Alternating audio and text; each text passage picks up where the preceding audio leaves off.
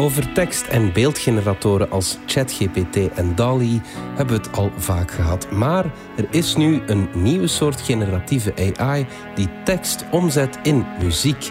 Maar klinkt het ook goed? Verder hebben we het over de tijd op de maan, een ruimtetuig met kernenergie en over de indrukwekkende deepfakes van Chris Ume in Hollywood. Het is vrijdag 3 februari. Ik ben Alexander Lippenveld en van de Standaard is dit Bits en Atomen.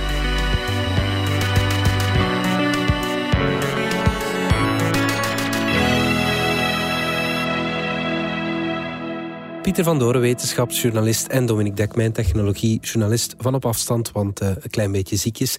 Dominique, we hebben het al uh, vaak over ChatGPT gehad, dat teksten genereert en, en codes, over uh, onder andere DALI, dat beelden genereert. Maar die generatieve AI kan iets nieuws en dat is muziek genereren. Vertel. Ja, niet helemaal nieuw, maar toch wel het beste dat we al gehoord hadden. En het is niet OpenAI die ermee afkomt, ook niet Meta, mhm. maar het is wel uh, Google.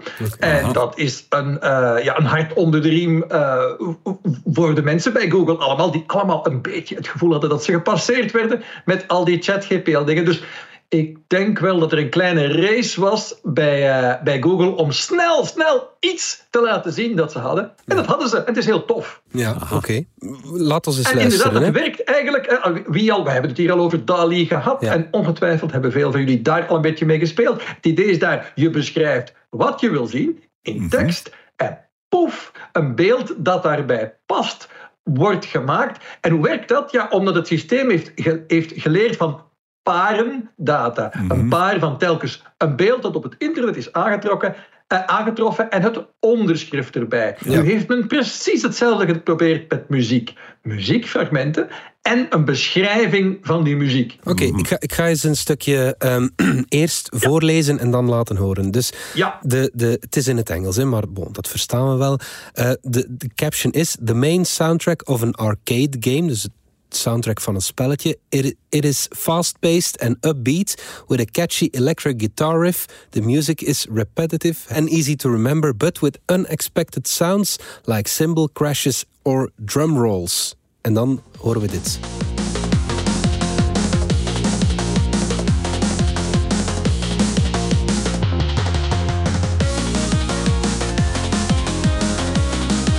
Ja, ik denk dat niet alle elementen van die beschrijving noodzakelijkerwijs in dat klankje zitten, maar het klinkt inderdaad bijzonder overtuigend. Ja, uh, ja, ja. Het helpt natuurlijk wel dat er hier gevraagd is naar iets dat bijzonder uh, arcade game-achtig, en dan denken we aan jaren 90 uh, eh, game arcades uh, klinkt. en als je vraagt naar elektronische muziek in het algemeen, klinkt het vrij goed. Maar je geraakt ook weg met te vragen naar soft jazz met saxofoonsolo's. Ook okay. dat lukt. Niet ja. onaardig. We luisteren naar een meditative song, calming and soothing, with flutes and guitars. The music is slow, with a focus on creating a sense of peace and tranquility. Ik ben benieuwd of we er... New Age. Ja, New Age. Ik ben benieuwd of we er rustig van gaan worden.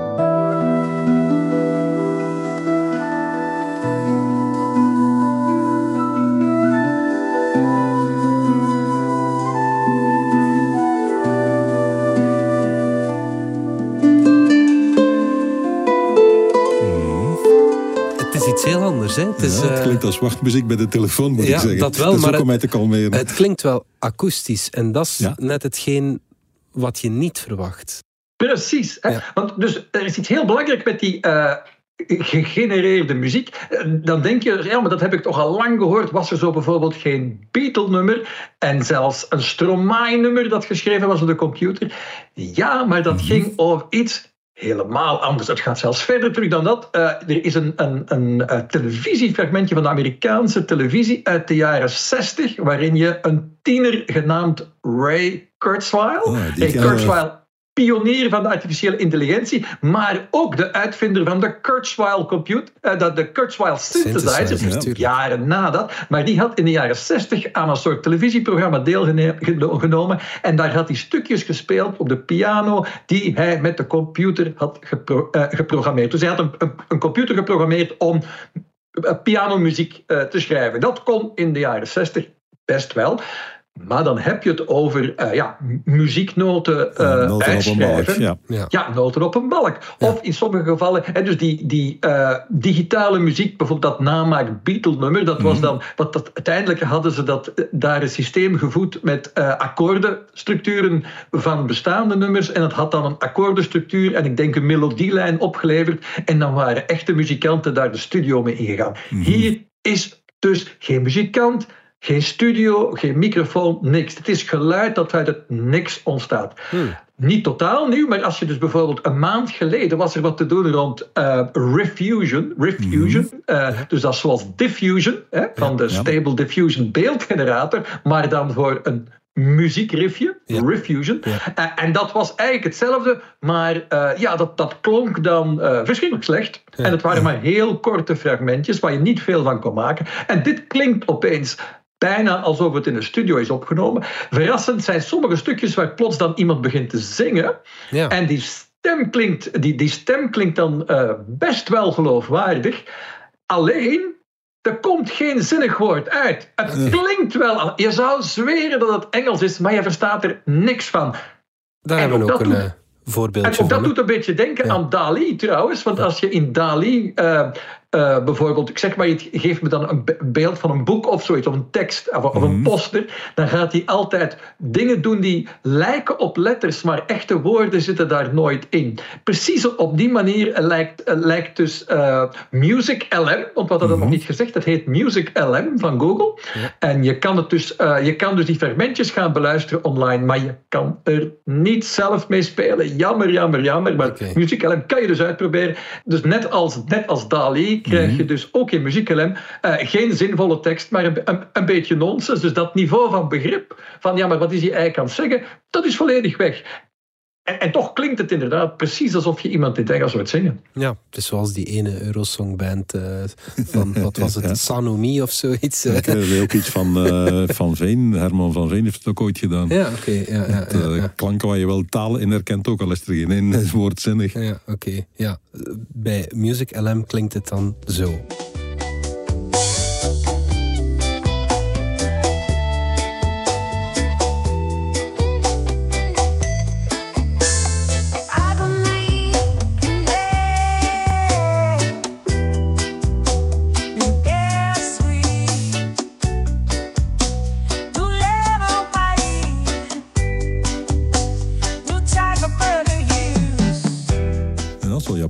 Kunnen zijn. Ja, zoiets, ja. Maar dus, het slechte nieuws is, je, je kan niet zelf even een beschrijving gaan intikken en meespelen, want Google heeft gezegd, ja, kunnen we toch eventjes niet doen. En de reden die ze daar trouwens voor aanhalen is van, blijkbaar gebeurt het wel eens af en toe dat er een heel fragment uit een bestaand nummer inkomt. Een, ja, een sample zou je dat dan eigenlijk noemen. En dat is niet de bedoeling. Het is niet dat dat, niet gebeurt in de muziekwereld natuurlijk. Eh. En dat gebeurt heel de tijd. Maar dat moet je dan normaal gezien wel uitklaren met de eigenaar van die muziek. Mhm. En ja, dat kunnen ze niet doen, want ze hebben dit systeem gevoed met, hou u even vast, want het moet natuurlijk over grote aantallen gaan. Hè. We hebben het hier over machine learning, dus je hebt grote aantallen nodig. 280.000 uur muziek audio. Hè? Dus ze hebben gewoon die muziek afgespeeld. Er, staat, er staan geen partituren in. Dus dit ding heeft hij gewoon die audio ingeslikt. 280.000 uur muziek. Dat is dus alle goede nummers in de wereld. En dan nog een paar honderdduizend nummers brol erbij. Uh, ja, nee, want zoveel goede muziek bestaat zelfs niet, zou ik durven. Zou ik durven 280.000 uren uh, muziek in hemelsnaam. Um, maar dat hebben ze dus door het systeem laten, laten slikken samen met beschrijvingen van wat er gebeurt. En dan krijg je dus inderdaad merkwaardige resultaten, wat toch maar weer bewijst dat ten eerste dat met die, met, die, met die generatieve AI, dat we daar dit jaar nog verrassingen mee zullen zien. Mhm. Want ook hier, ja, dus een maand geleden eh, was die, vonden mensen die Refusion best wel sterk. En dit is ja gewoon opeens bijna studiokwaliteit. En dan vraag je je natuurlijk af, gaan we in binnenkort in de hitparade nummers aantreffen die geschreven zijn uh, door Musical? Hè? En dan is het antwoord, ja, misschien de hitparade nog niet meteen. Uh, dan is de vraag alleen of ze, of ze erbij zouden vertellen natuurlijk. Maar zodra mm. muzikanten hier aankomen, denk ik wel. Dus heel veel van die playlists die je op Spotify aantreft van easy listening... Mm. Uh, achtergrondmuziek zijn nu al computer gegenereerd, maar dus computer gegenereerd op een iets meer primitieve manier. Hè? Mhm. Eh, maar met audio die vanaf nul wordt gegenereerd op commando op basis van een beschrijving, ja, dat, uh, ja uiteraard zal dat in Spotify-playlisten beginnen, uh, beginnen opduiken. Ja. Mhm. Dat zal waarschijnlijk niet lang duren en dan verdient iemand er geld aan. Maar dan moeten ze natuurlijk weer uitklaren. En exact hetzelfde gaat natuurlijk ook nu, is nu ook bezig met DALI en, en ChatGPT. Mhm. Ja, als het onverhoeds hier en daar een stukje pikt van iets dat al bestaat, moet dat op een of andere manier geregeld worden qua auteursrechten en zo. En men weet eigenlijk nog helemaal niet hoe dat moet. Ja, oké.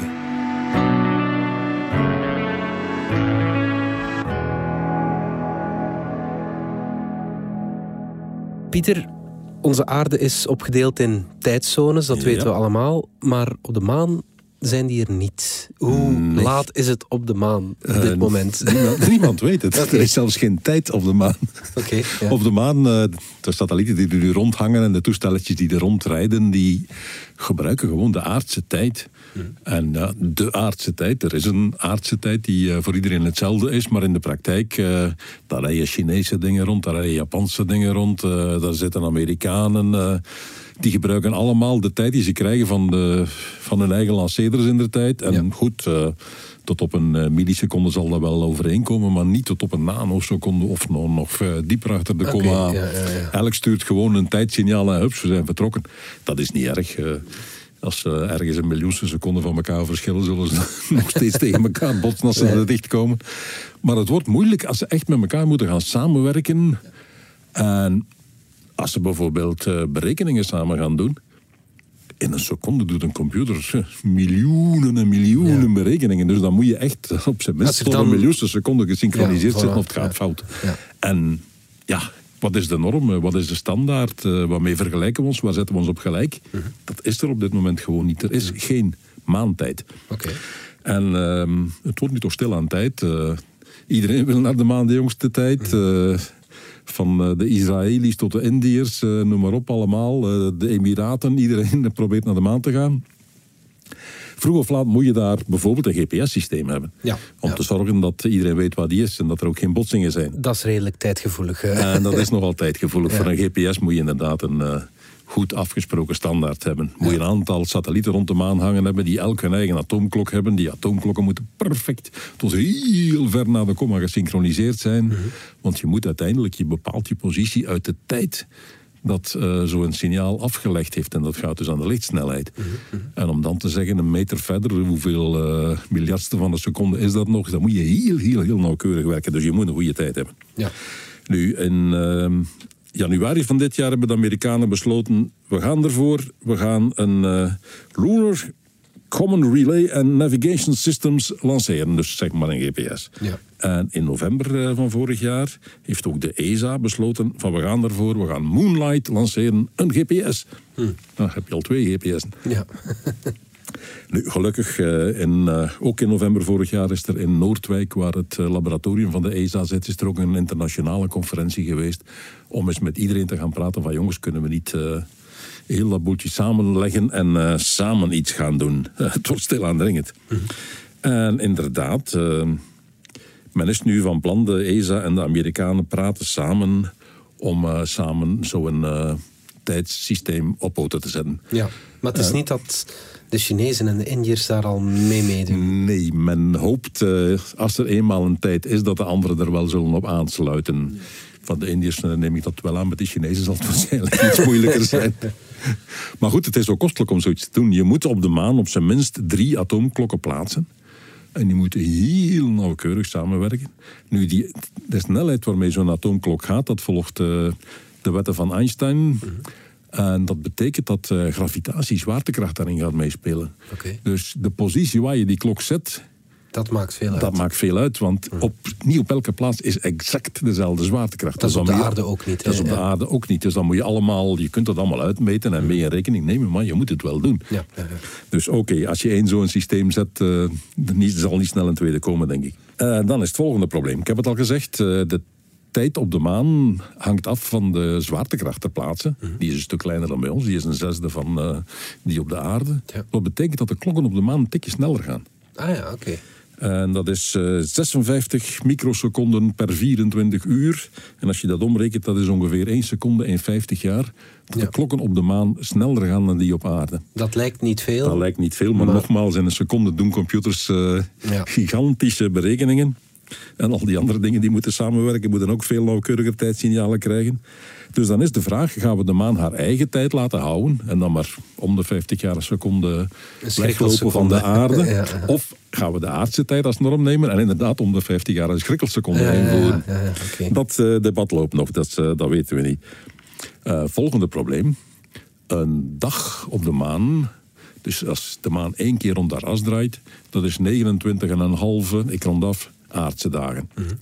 Dus nemen we dan voor de mensen, ga je in aardse dagen moeten tellen. Wij slapen en waken in ritmes van 24 uur, die zullen we moeten aanhouden. Onze planten groeien in uh, tempo's van 24 uur. Maar dat is niet te vertalen naar een maandag. Nee, nee. Dat, dat, uh, dat, is niet, uh, dat is geen rond getal een maandag in aardse dagen. Dus gaan we naar de maandag als norm nemen. Mm -hmm. En dat onderverdelen in periodes van ongeveer 24 uur, maar die gerefereerd naar die maandag. Of gaan we dagen van 24 aardsuren nemen. En dan, ah, goed, uh, dus er is nog wel even wat overleg. Maar het is bezig. Daarnaast werkt ondertussen ook aan een eh, internet voor de maan. LunaNet gaat dat heten. Deze keer al samen met ESA. Dus dat gaan ze al samen doen. Ja, okay. Heel binnenkort gaan we weten hoe laat het is op de maan. Oké. Okay. Toch allemaal niet zo gemakkelijk op een ander hemellichaam gaan leven. nee. We gaan er even uit voor reclame.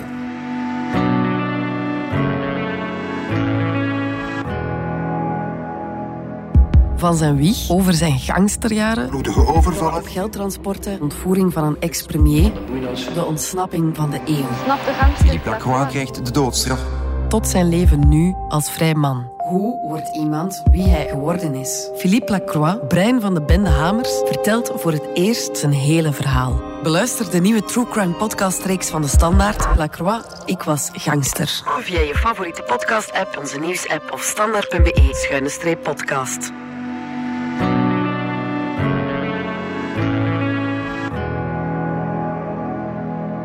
Pieter, um, hier op aarde geloven we collectief al iets minder in kernsplijting dan een vijftigtal jaren geleden. Hoewel, inderdaad. Maar de NASA ziet er toch nog uh, brood in. Of ziet er opnieuw brood in. Okay. Net op het moment dat wij uh, die Hange 2 sluiten, ja. kondigt de NASA aan, samen met DARPA, het uh, researchafdeling van de Amerikaanse militairen, dat ze een raket gaan lanceren met een kernmotor. Mm -hmm. Dat ding heet Draco Demo Rocket for Agile Cislunar Operations. Nou ja, als het kind maar een naam heeft. Ja. En uh, Draco's hebben waarschijnlijk te veel naar uh, Game of Thrones gekeken. Ja, of naar uh, Harry Potter. Daar zat ook een Draco in. Inderdaad. Draco Malfidius. Ja. Nu, um, DARPA gaat de raket leveren. En NASA gaat de motor leveren. Mm. Dus een motor met kernsplijting. En tegen 2027 willen ze hun eerste testmodel klaar hebben, zeggen ze. Ja. Dat is niet meer zo lang. Dat is niet meer zo lang, dus ik geloof er geen barst van dat ze dat halen. ze hebben al vaker dingen aangekondigd bij de NASA. Ja. En de jongste tijd moet je er altijd wel een paar jaar bij tellen. Maar goed, de overeenkomst is er. Ze gaan er aan werken. Ja. Nu, dat hebben ze nog al eens gedaan. In 1961 zijn ze begonnen met wat toen NERVA heette. Nuclear Engine for Rocket Vehicle, Vehicle Applications, NERVA. Uh, Von Braun was daar toen nog mee bezig, de ontwerper van de grote Saturnus-raket. Ja, ja. En dat ding is getest, dat heeft gedraaid op aarde. En dat werkte. -hmm. Alleen in 1972, uh, toen ze al een paar keer op de maan geland waren, hebben de politici gezegd: jongens, het is nu wel genoeg geweest. Uh, we hebben bewezen dat we gewonnen hebben. De broek van de Russen is afgedaan. Stop er maar mee. Ja, ja. En het budget van de NASA is toen met 90% naar beneden gegaan. Dat is... En een van de dingen die toen gesneuveld zijn, was die kernmotor. Mm -hmm. Nu, hij was ook uit de mode, dus uh, niemand uh, riep daarom van doe daar in godsnaam mee verder. Mm -hmm. Ondertussen, uh, klimaat en zo verder, we, ze beginnen weer meer richting radioactiviteit te kijken. En ook bij de NASA hebben ze gezegd, kijk, als we straks naar Mars willen, het grote probleem is de reis. Ja. Wij moeten maanden onderweg zijn. Al die tijd uh, zitten die astronauten in uh, kosmische straling. Hun DNA gaat daar zeker de brokken van hebben. Ja. God weet hoe kruipen ze eruit. hoe korter wij die reis kunnen maken, hoe beter. Ja, ja. Alleen ja. Maar zo'n kernmotor zou daar toch een kwart van die reis kunnen afhalen, gewoon omdat die zo krachtig is. Ah ja, oké. ja, ja. Klassieke motoren, de, de chemische motoren die we nu gebruiken, die eh, steken spul in brand. Dat geeft eh, heel veel rook en oef, die Ja. rook spuit er aan de achterkant uit en eh, dat zorgt voor de aandrijving. Ja. Dat zijn de klassieke raketmotoren. Dan heb je nog de elektrische raketmotoren, waar tegenwoordig ook wel mee gewerkt wordt voor sommige satellieten. Dan ga je een of ander gas van eh, zware atomen, zeg xenon, krypton, eh, dat soort dingen. eh kwik wordt ook wel gebruikt, dacht ik. Dat ga je versnellen in een elektrisch veld en dat stoot je uit. Het is een heel fijn straaltje van wel grote massa. En dat duwt een heel klein beetje Ja. tegen je raket. Maar je kunt dat heel, heel, heel lang volhouden. Je kunt dat maanden aan een stuk volhouden. Terwijl een klassieke raket is na een paar uur uitgebrand. Ja. Dus daardoor krijg je toch snelheid. Maar ook dat is niet krachtig genoeg om mensen echt naar eh, Mars eh, te pushen. Dus dan kom je bij de atoomraket uit. Ja. Je stikt daar een kernreactor in. Die maakt gruwelijk veel hitte. Mhm. En met die hitte verhit je dan bijvoorbeeld waterstofgas. Ja. Dat is licht, maar doordat hij het zo heet maakt, krijgt het een enorme snelheid. Ja. Dat spuit daar achteraan uit tegen gigantische snelheden. En dat maakt dat je raket toch een eh, goede push krijgt Ja. van iets dat in feite toch heel licht is. En iets dat ook, ja, ook milieuvriendelijk is. Dat, eh, wel, Ja, het is dat- milieuvriendelijk bij zoverre dat we dan hopen dat er niet te veel radioactiviteit achteraan Dat uitspuit. natuurlijk weer wel, Dat je ja, de radioactiviteit kunt scheiden van de hitte. Ja, Goed, ja, ja, ja. daar eh, zijn systemen voor. In onze kerncentrales doen we dat ook. Eh, wat uit onze stopcontact komt is echt niet radioactief. Het koelwater dat eh, terug de Schelde ingaat is echt niet radioactief. Dus dat zou daar ook moeten kunnen. En goed, eh, ze zijn er dus volle bak aan bezig. En nou, in 2027 eh, weten we meer waarschijnlijk. Ja, En zo niet zal het ietsje later zijn. oké, goed.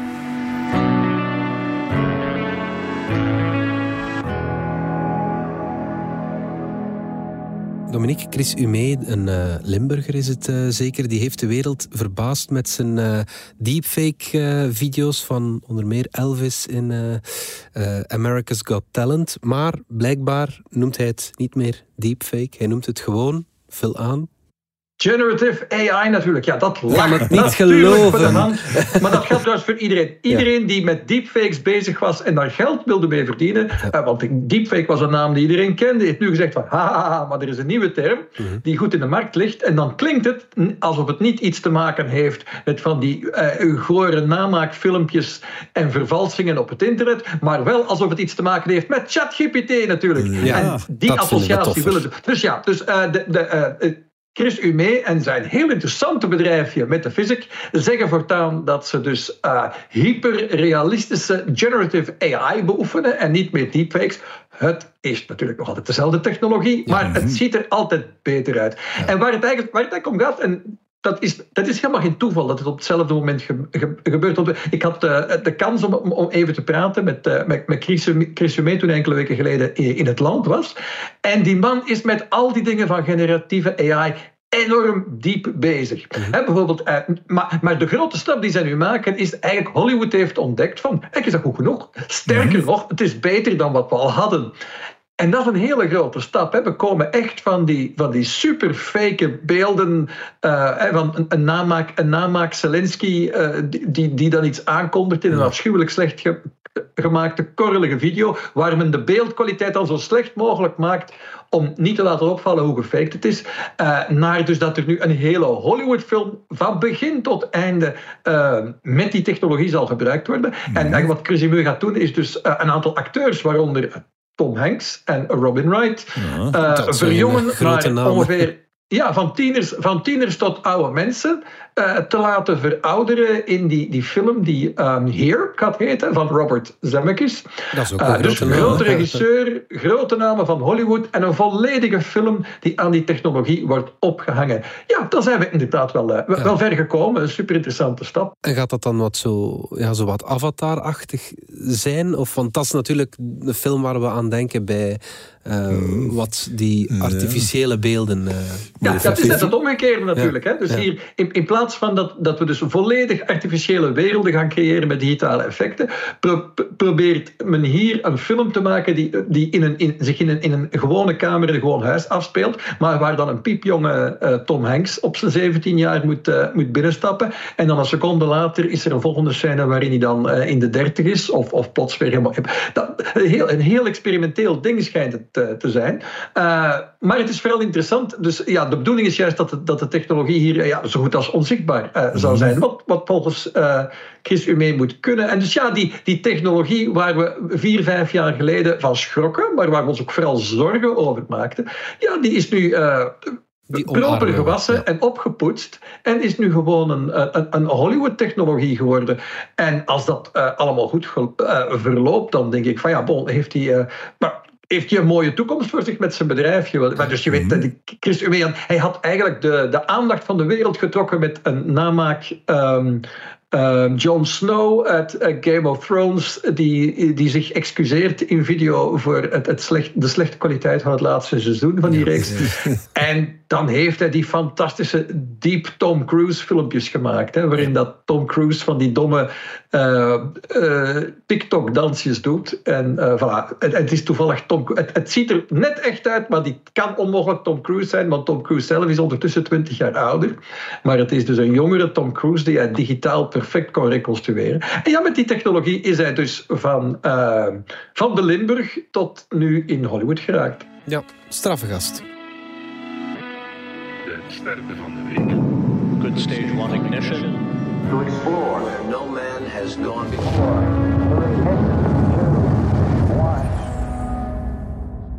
Pieter, we gaan nog een laatste keer de ruimte in uh, deze week voor de ster van de week. Maar het is een planeet Eentje die we ook vrij goed kennen zelfs. Dus de avondster noemen we hem ook wel. Ook wel eens de ochtendster. Venus. Venus zit altijd dicht bij de zon. Dus soms zien we ze net voor de zon opkomen. Soms zien we ze net na de zon ondergaan. Vandaar ochtendster en avondster. Ja.